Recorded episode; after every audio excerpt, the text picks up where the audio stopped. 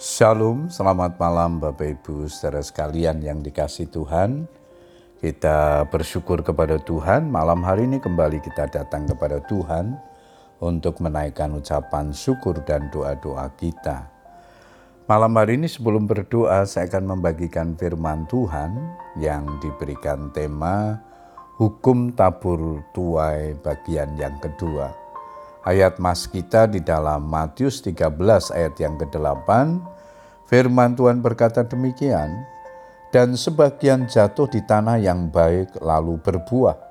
Ada yang seratus kali lipat, ada yang enam puluh kali lipat, ada yang tiga puluh kali lipat. Bapak Ibu saudara sekalian, seluruh cara dan motivasi orang menabur pasti akan menentukan tuayan. Perhatikanlah sikap hati saat menabur.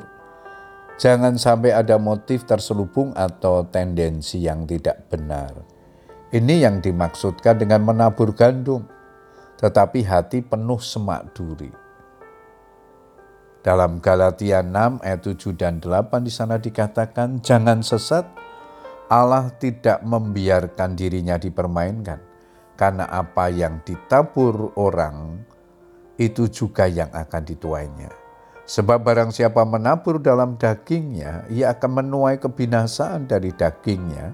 Tetapi barang siapa menabur dalam roh, ia akan menuai hidup yang kekal dari roh itu. Apakah lagi yang harus diperhatikan saat menabur? Yaitu sikap tekun dan sabar Petani yang sedang menabur tidak seketika menuai, ia harus menunggu sampai benih itu tumbuh. Butuh proses dan waktu. Terkadang petani harus menghadapi panas terik matahari, hujan, angin, atau badai. Kalau ia tidak tekun dan sabar, pasti ia akan menyerah dan berputus asa. Yakubus menasihati, karena itu saudara-saudara bersabarlah sampai kedatangan Tuhan Sesungguhnya petani menantikan hasil yang berharga dari tanahnya, dan ia sabar sampai telah turun hujan musim gugur dan hujan musim semi. Yakobus 5 ayat yang ketujuh. Pada saatnya pasti akan menghasilkan sesuatu yang indah. Seorang petani yang bekerja keras haruslah yang pertama menikmati hasil usahanya. 2 Timotius 2 ayat yang ke-6. Saat berada dalam proses, tak perlu kita sampai menjadi panik, kecewa, mengeluh, atau bersungut-sungut, sebab proses itu sifatnya hanya sementara waktu. Belajarlah untuk sabar dan berserah penuh kepada Tuhan. Kemudian lakukan yang terbaik.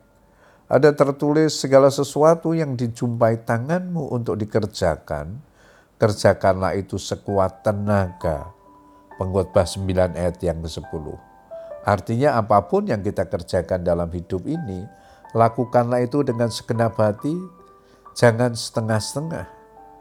Tuhan telah memperlengkapi kita dengan segala potensi.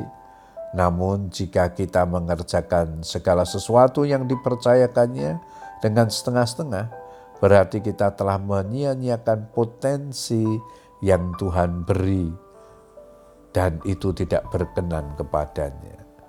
Pengkhotbah 11 ayat yang ke-6 dikatakan, taburkanlah benihmu pagi-pagi hari, dan janganlah memberi istirahat kepada tanganmu pada petang hari, karena engkau tidak mengetahui apakah ini atau itu yang akan berhasil, atau kedua-duanya sama baik. Puji Tuhan Bapak Ibu Saudara sekalian, biarlah kebenaran firman Tuhan, yang kita baca dan renungkan malam hari ini yang menjadi berkat dalam kehidupan kita. Mari kita perhatikan hukum tabur tuai dengan baik, menaburlah dengan ketekunan dan kesabaran, dan ikutilah prosesnya Tuhan. Maka kita akan menuai kebaikan dan berkat-berkatnya dalam kehidupan kita.